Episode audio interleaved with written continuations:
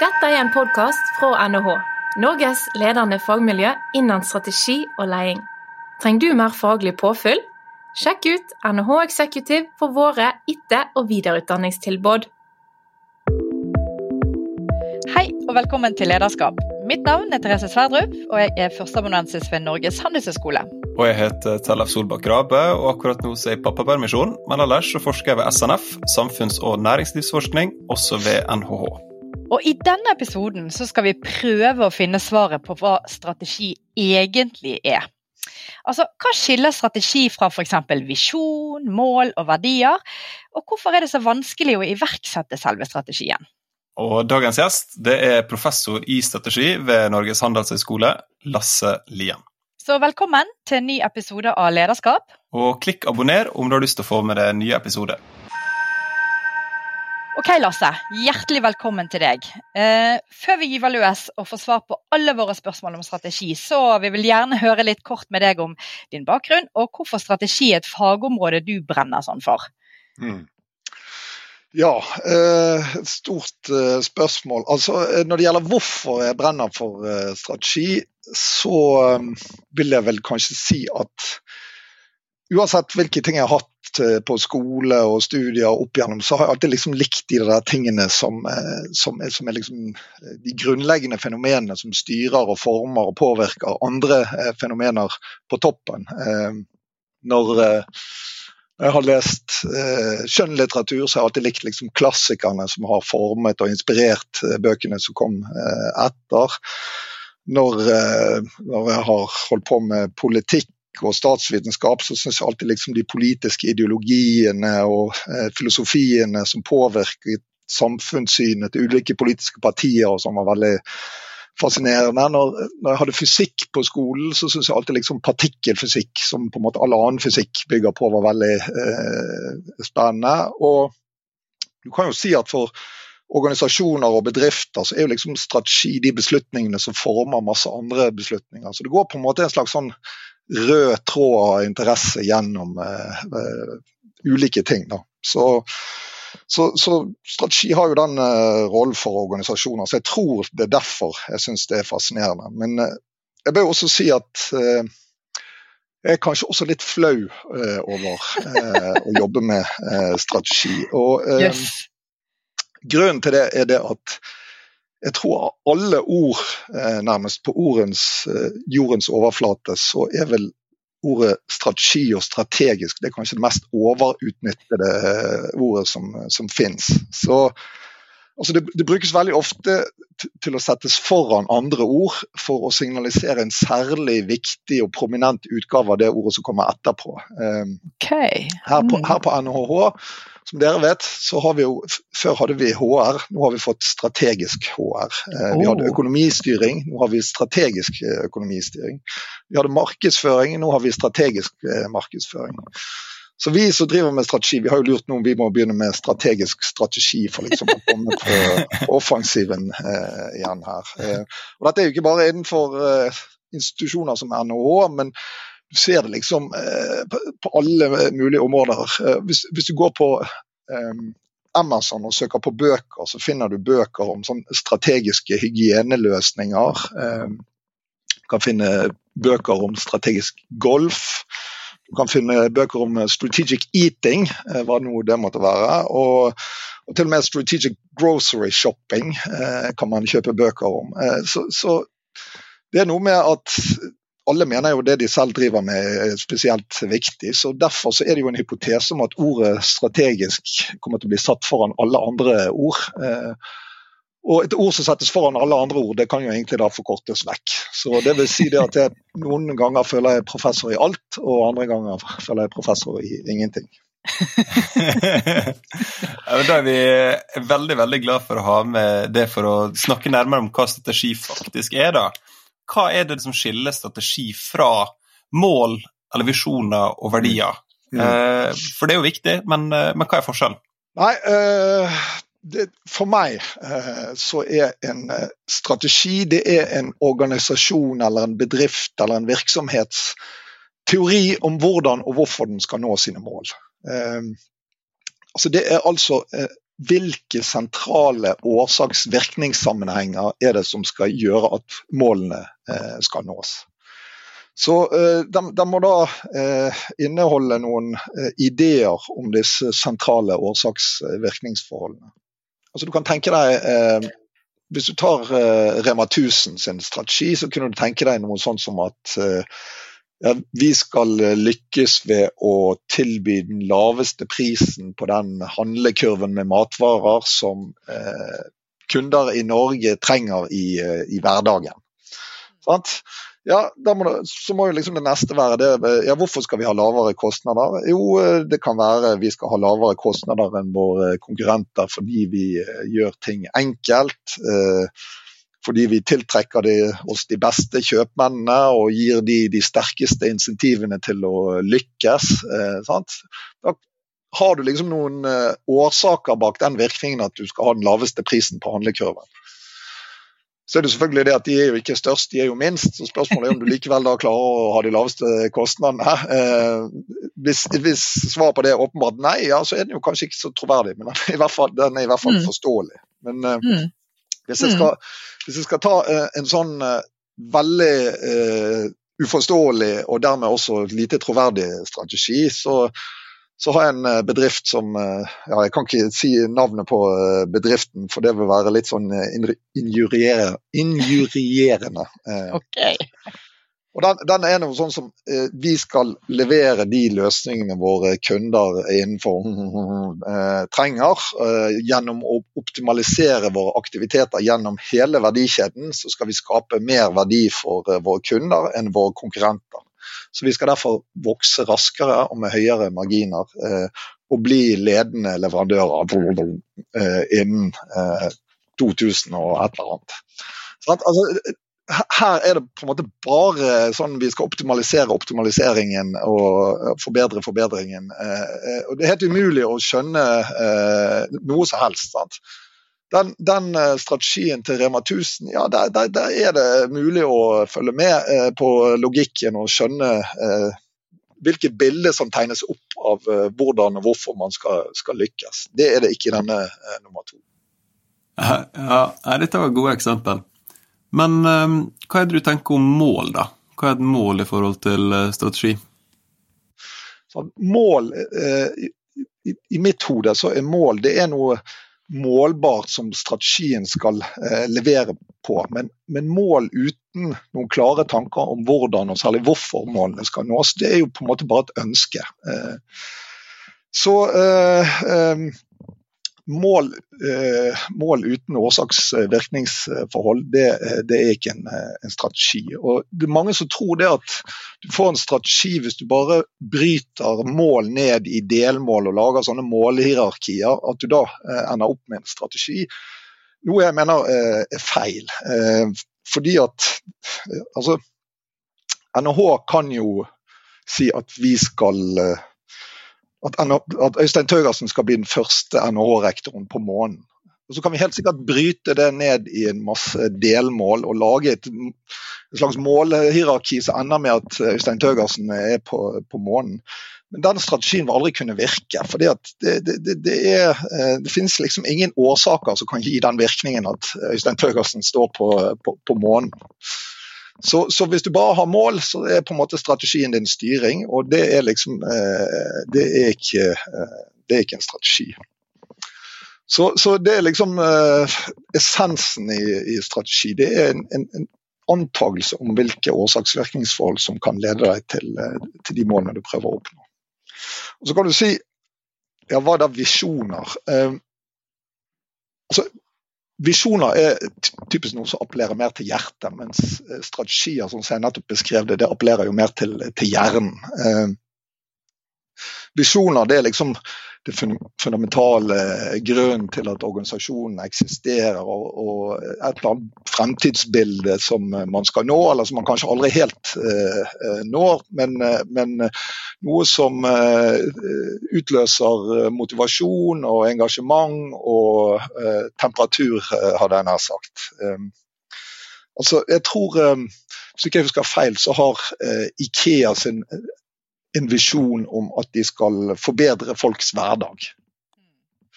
Ja, det er, eh, det er, jo på en måte meningsfullt, og dypt meningsfullt, eh, kan man si. Eh, men det er, jo, det er jo mange måter man kunne tenke seg at Ikea jobbet mot å forbedre folks hverdag. Så det utelukker veldig lite, samtidig som man maler et, et bilde av hvor man, hvor man skal. Så Visjoner det er gjerne noe som er veldig inspirerende, men mindre kanskje målbart og operasjonelt. Ehm, så, så det vil jeg si er forskjellen mellom en strategi og en visjon. Mm. Nei, men det er jo veldig interessant det, det du sier der. og da fremstår det for meg da som at eh, strategi er jo, som du sier, det er overordnet. Eh, målet skal gjerne utledes av strategien, og visjonen er litt sånn eh, nå skal vi spice opp det vi holder på med.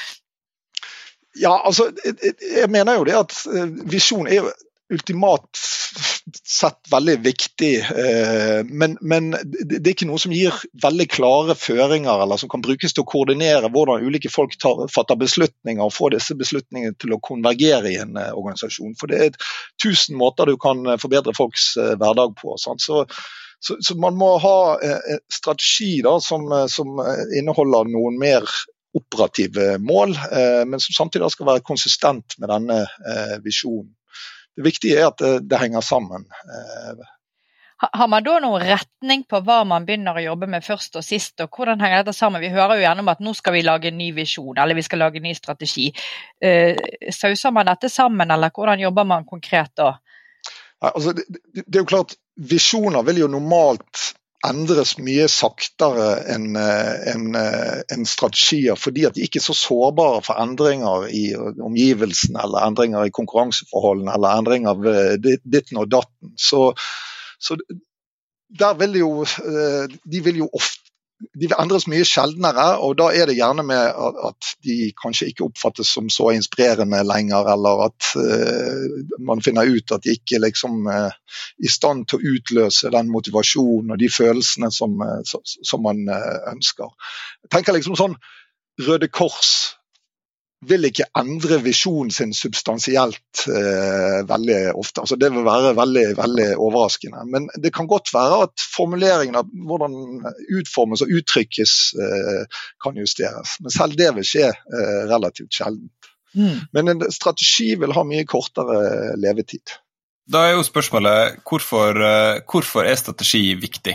Altså, for man kan jo ha en overordna visjon, som du sier, og man kan ha Eh, konkrete arbeidsoppgaver og sånt. Mm. Binder strategien alt sammen? Ja, altså jeg, vil si at det er fire sånn hovedgrunner til at uh, man uh, Eller fordeler ved å ha uh, en strategi. Og én ting er jo for så vidt det du hentydet til. det er jo konsistens. Altså at at alle trekker i samme retning, eh, og at den retningen er på en måte der anstrengelsene eller ressursbruken kaster mest eh, av seg. Så Det handler om eh, konsistens. Det andre det er knyttet til, ja, egentlig til, til muligheten for å delegere.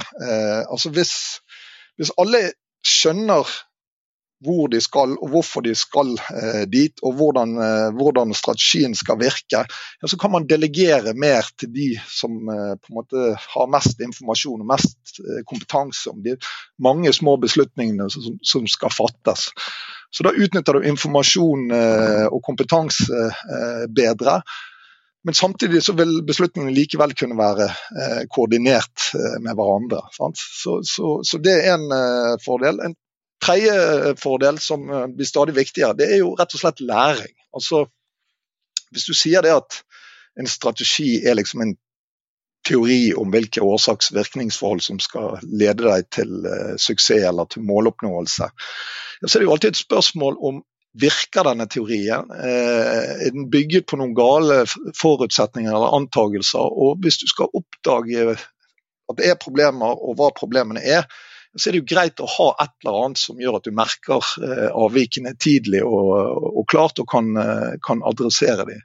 Og det å ha, eh, Hvis Ikea bare hadde hatt vi skal forbedre folks hverdag, så er det veldig vanskelig å på en måte merke at, at, her er det noe som ikke funker. Fordi at det er altfor vagt. så, så en, en, en, en, strategi er også et slags sånn læringssystem. Og det siste det er jo men ikke det minste, men det er jo rett og slett motivasjon. sant? aller viktigst for å tiltrekke seg, beholde og inspirere folk. Hvis, hvis man tenker at denne virksomheten uh, har en klar forestilling om hva de skal gjøre, hvorfor de skal gjøre, og hvordan man skal få til fantastiske ting, så er det på en måte gøyere å,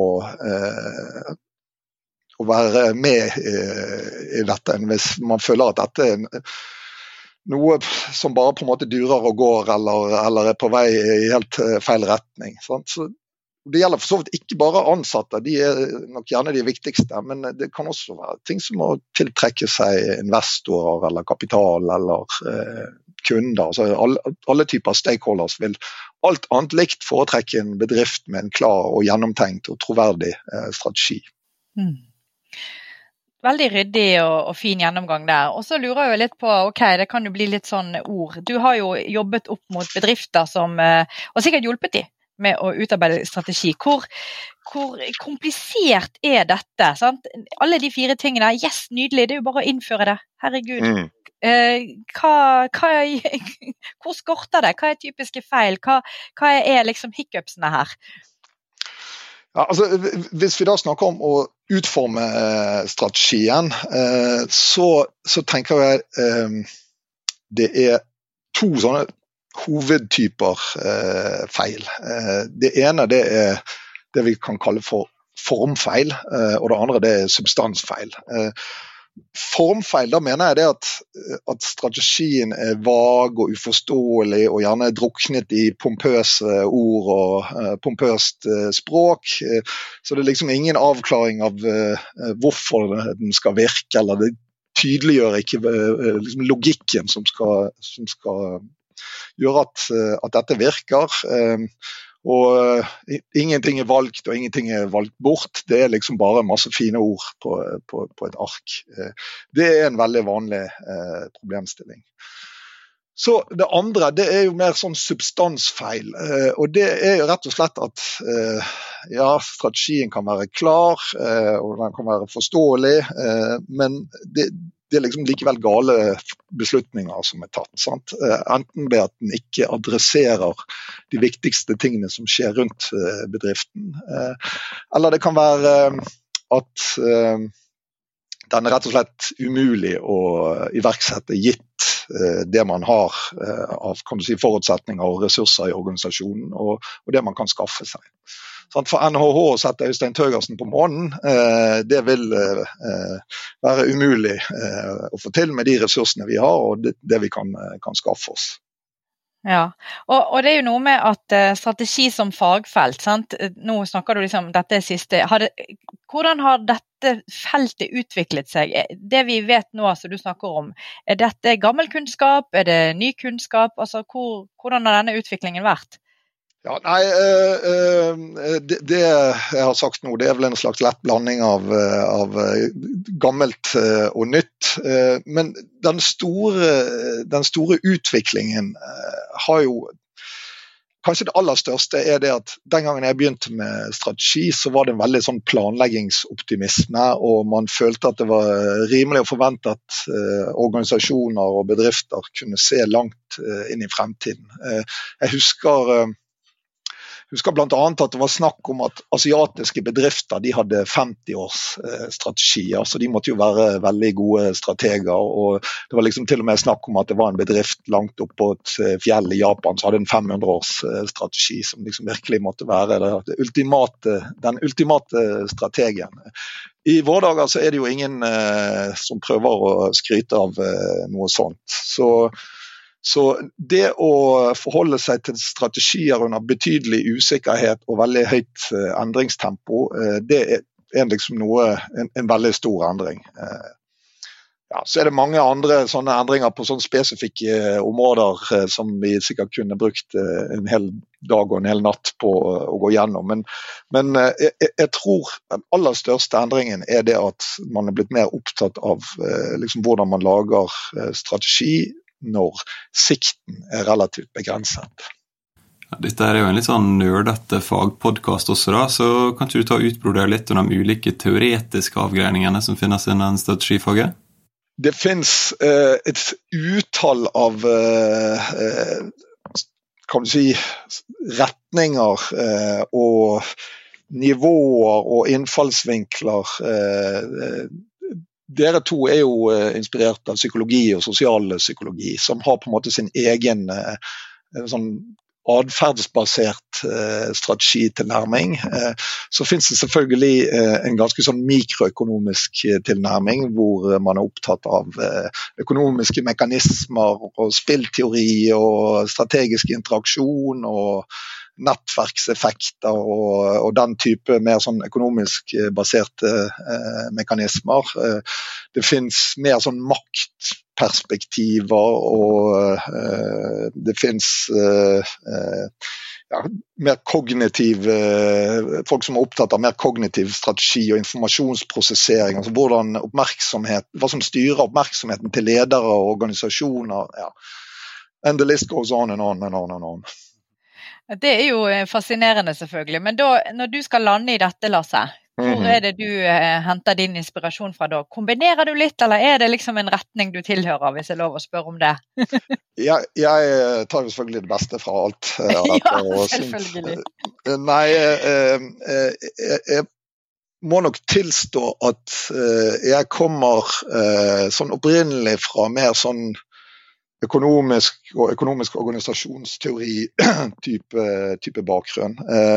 men etter hvert som man, eh, som man, eh, jobber lenge med dette feltet, så, så, innser man jo det at alle har liksom noe eh, viktig å, å, å, bidra med å tilføre faget.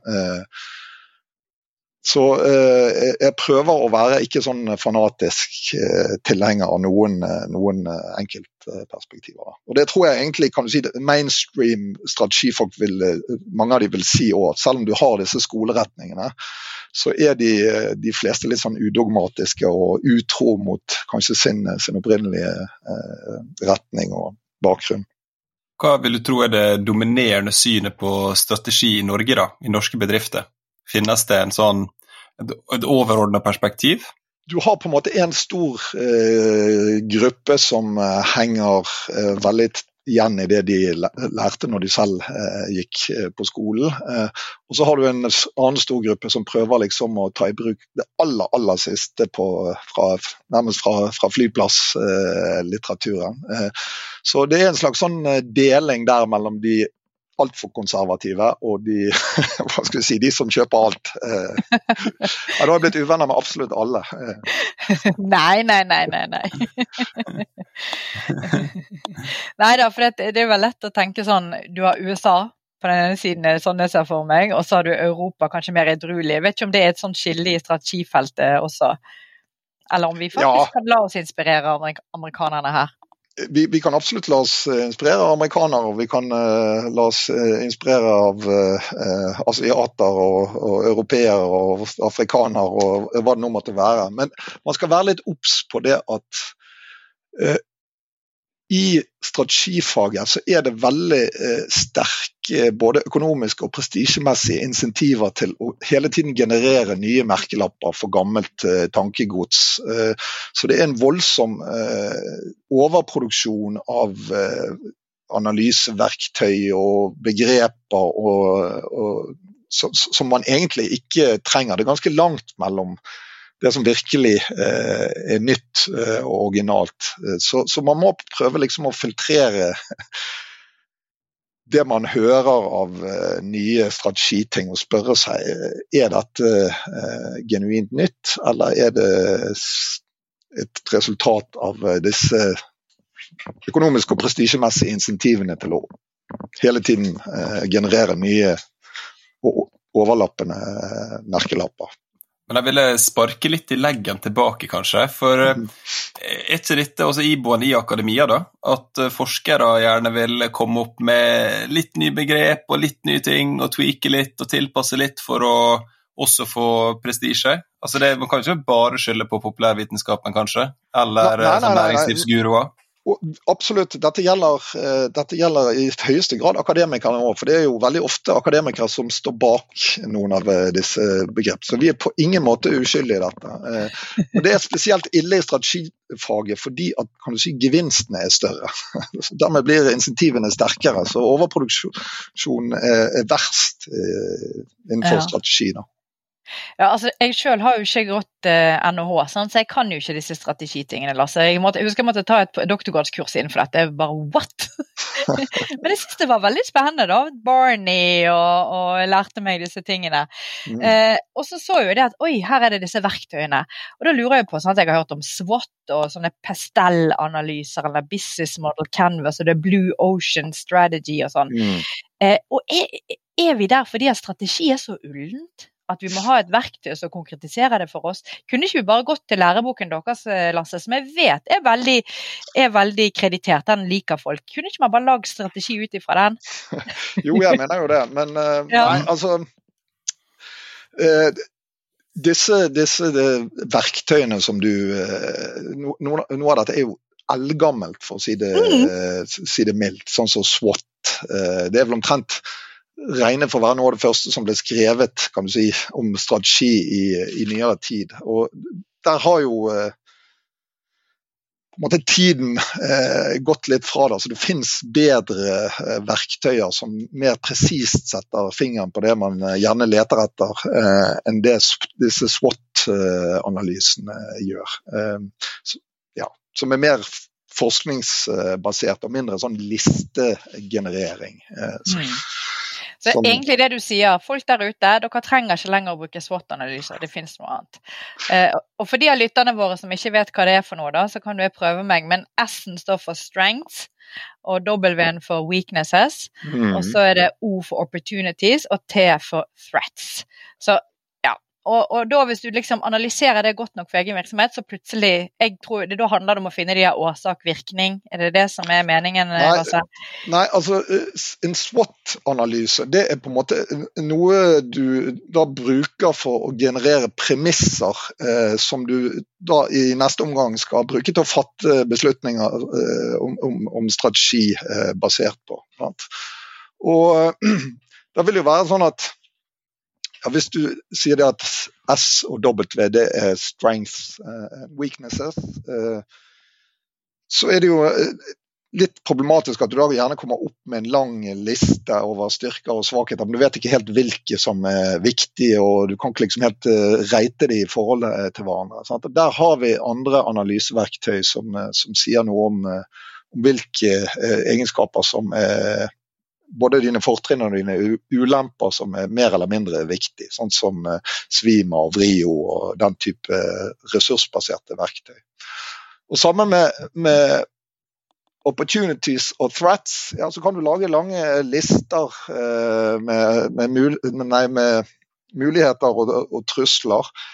Men etter mitt syn så er jo det mye bedre da å klare å finne ut hvilken effekt eh, har disse ulike på enten mulighetene for å skape verdi eller kapre verdi i de markedene eller de nære konkurranseomgivelsene man, eh, man opererer i. Og Der har vi mer eh, presise verktøy som leder deg mye lenger i å på en måte skille det viktige fra det mindre viktige, og fortolke eh, effektene inn i inn i de, de nære omgivelsene du, du, opererer i. Så, så jeg vil si at uh, utviklingen har på en måte gått forbi SWAT. Mm. Så hvor skal man lære om disse da, Lasse? Nei, Du sa det jo selv, det er jo selvfølgelig strategiboken. strategiboken. Eller eventuelt ekspansjonsboken. ja, her, finnes det litteratur, ja. Det er bra. ja da. Og Samme med, med, med, med Pestel. sant? Uh, det er jo også en sånn, en sånn uh, uh, litt sånn huskeliste over ting da, i de litt sånn store omgivelsene. Eh, men hvis du skal forstå effekten av dem, så må du liksom tolke hvordan de påvirker eh, liksom kunder og leverandører og konkurrenter og rivaler i dine nære eh, omgivelser. Altså, hvilken type atferd er det som endrer seg, og hvordan påvirker det forutsetningene for å skape verdi og kapre verdi. Så da, Mens du liksom kan bruke pestell for å generere eh, tanker om hva som eh, du tror kommer til å skje, eller hva som kan skje, så må det på en måte tas helt ned til eh, de eh, omgivelsene du skal operere i. og Da finnes det bedre verktøy. Så Det er på en måte litt sånn brainstormingsfasen, mens den analytiske fasen kommer liksom ikke av seg selv ut av en eh, Pestel-analyse.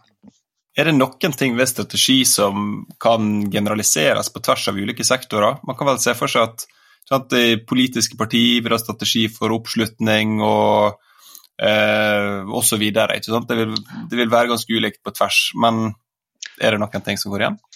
Ja, altså på det aller mest generelle planet så kan du jo si det at enhver organisasjon som har, har noen mål eh, den gjerne vil oppnå, eh, trenger jo en teori om eh, hva er de sentrale årsaks- og virkningsforholdene som skal gjøre at man når disse målene, eller eh, nærmer seg eh, disse målene.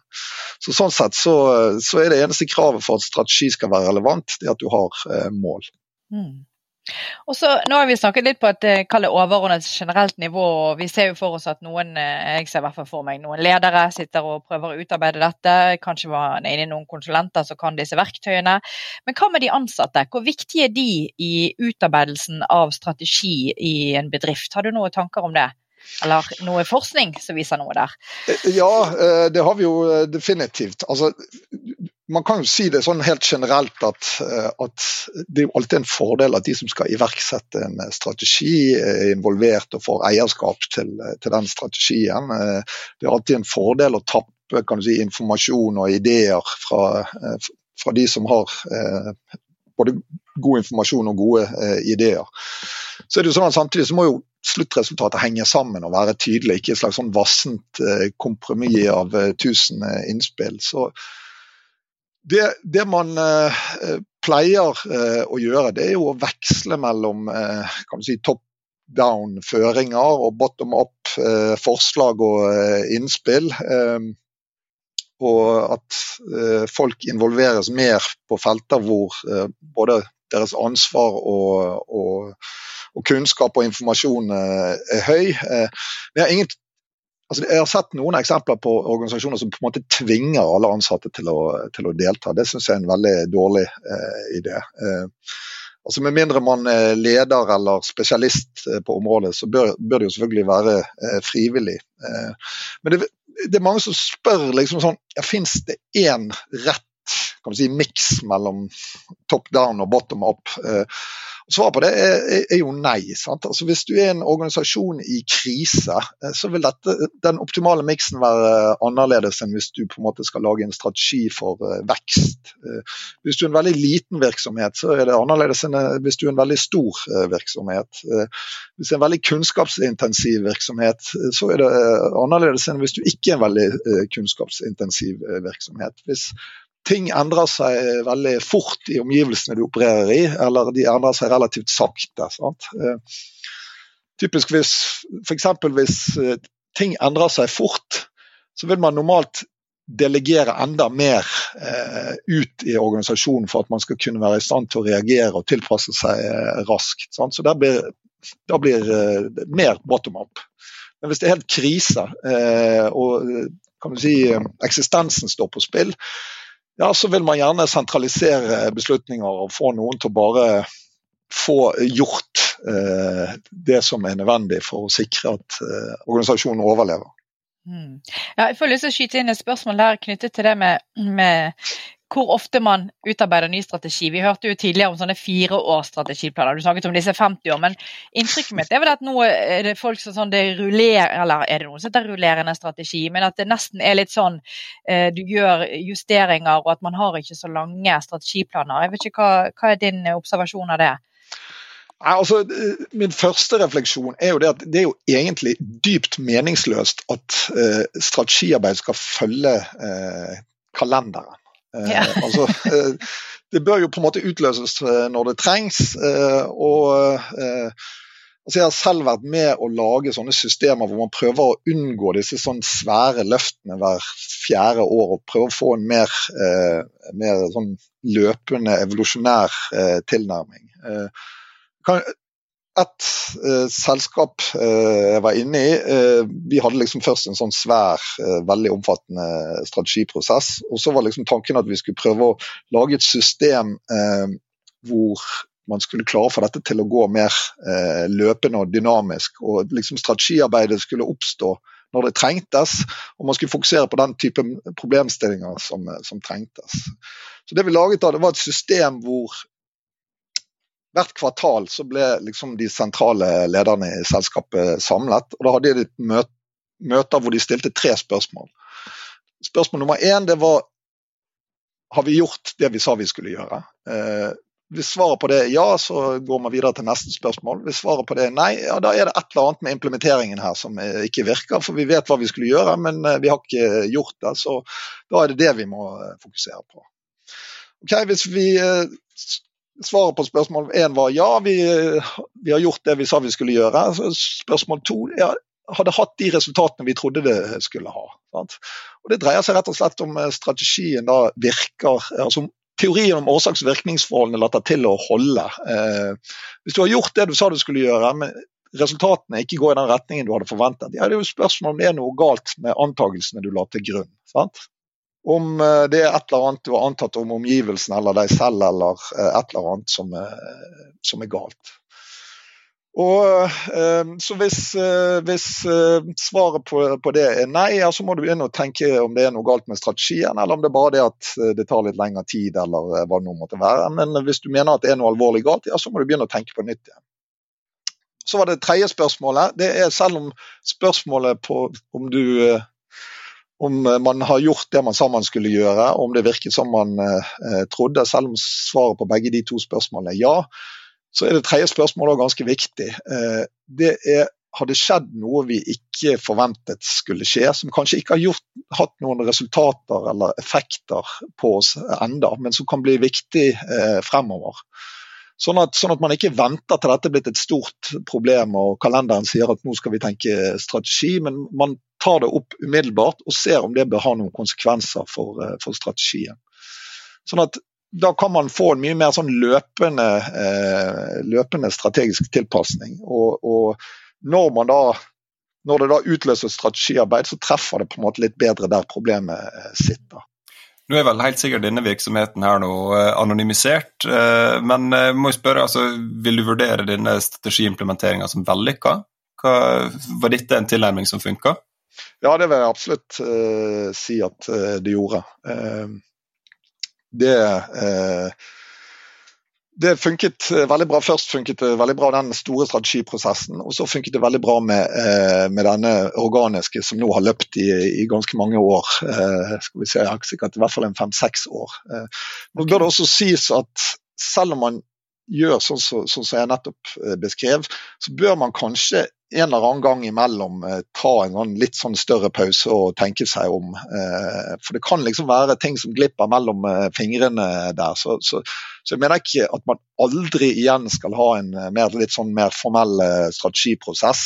Men da er man i hvert fall sikret at man ikke utsetter strategiarbeidet til, til kalenderen sier at nå er det på tide. Nei, for det er vel noen virksomhet, altså Man ruller og går, og så kommer det eksterne sjokk. Mm. Eh, utfordrere som bare drar fra altså Airbnb, vi kjenner jo Spotify. Mm. Altså, her, dette så vi ikke, og, og dette, nå skal vi liksom en ordinær virksomhet, bedrift, skal forholde seg til dette her det er vel da man Det er vel òg ytre påvirkninger som gjør at her får vi et spark til å tenke nytt. Ja, ja, noe som typisk ville vært interessant da, det var jo liksom OK, det kom inn en ny inntrenger med en helt ny forretningsmodell eh, som ikke er noe som helst trussel for oss nå. Men kanskje det er viktig å sette seg ned og evaluere eh, i hvilken grad kan det bli eh, en trussel. Og bør vi gjøre noe for å eventuelt ta den posisjonen selv og implementere den forretningsmodellen selv, eller, eller adressere det på et eller annet vis. Ikke vente til, eh, til veksten er blitt eksponentiell for, eh, for denne inntrengeren. Vi har snakka om utrolig mye spennende gjennom denne samtalen, her nå, men eh, vi bruker alltid å stille spørsmål til gjesten vår om de har liksom noen konkrete tips. Og Har du da f.eks. tre gode råd til ledere som har lyst til å lykkes med strategiarbeid? Ja, ehm, jeg har jo selvfølgelig masse eh, råd. Det er jo synd å gi de vekk gratis, da, men nei, eh, eh, nei ehm, Jeg vil si at for det første så må du formulere en strategi som er forståelig og troverdig for de som skal iverksette den. Det er råd nummer én. Det andre det er at man må tenke gjennom dette med top down og bottom up. Hva er det riktige for oss i den situasjonen vi er i, og med de egenskapene vår bedrift uh, har. Uh, og det siste, det er Hvis du skal få en organisasjon til å iverksette uh, en strategi, så er det alltid en fare at strategien havner rett i skuffen, og ikke blir ja, ikke får noen praktiske konsekvenser. Så det å enten gjøre noen symbolske handlinger som viser at man eh, mener alvor, eh, eller eh, noen tidlige sånn early wins som viser at dette virker. Det er ting som gjerne da vil vise organisasjonen og sørge for at det på en måte blir troverdig at dette mener man, og, at dette vil være gunstig for, for, de, for alle i organisasjonen hvis det iverksettes. Så da er det vel bare å, å oppfordre folk til å uh, kjøpe boken din, Lasse. Hvis de får mer. Og jeg vet jo, vi må jo få lov av og til å reklamere for uh, eksekutivutdanningen vår. Det starter jo opp et nytt kull i MBA, eh, strategisk ledelse. Så der kan man virkelig grave seg ned i noen år med, med etter- og videreutdanning og eksekutiv med andre folk som er nysgjerrig på strategi. Tusen takk for at du ville komme og være gjest hos oss, Lasse. Bare hyggelig. Gleden er på min side. Du har nå hørt på Lederskap, NHHs podkast om ledelse. Mitt navn er Therese Sverdrup. Og jeg heter Tellef Solbakk Rabe. Kom gjerne med tilbakemeldinger eller innspill til tema. Du finner kontaktinformasjonen vår på NHHs hjemmeside, eller så kan du skrive til oss direkte på Twitter og LinkedIn. Og om du likte det du hørte, så blir vi selvfølgelig veldig glad om du vil abonnere eller dele episoden med dine kolleger eller venner. Vi høres!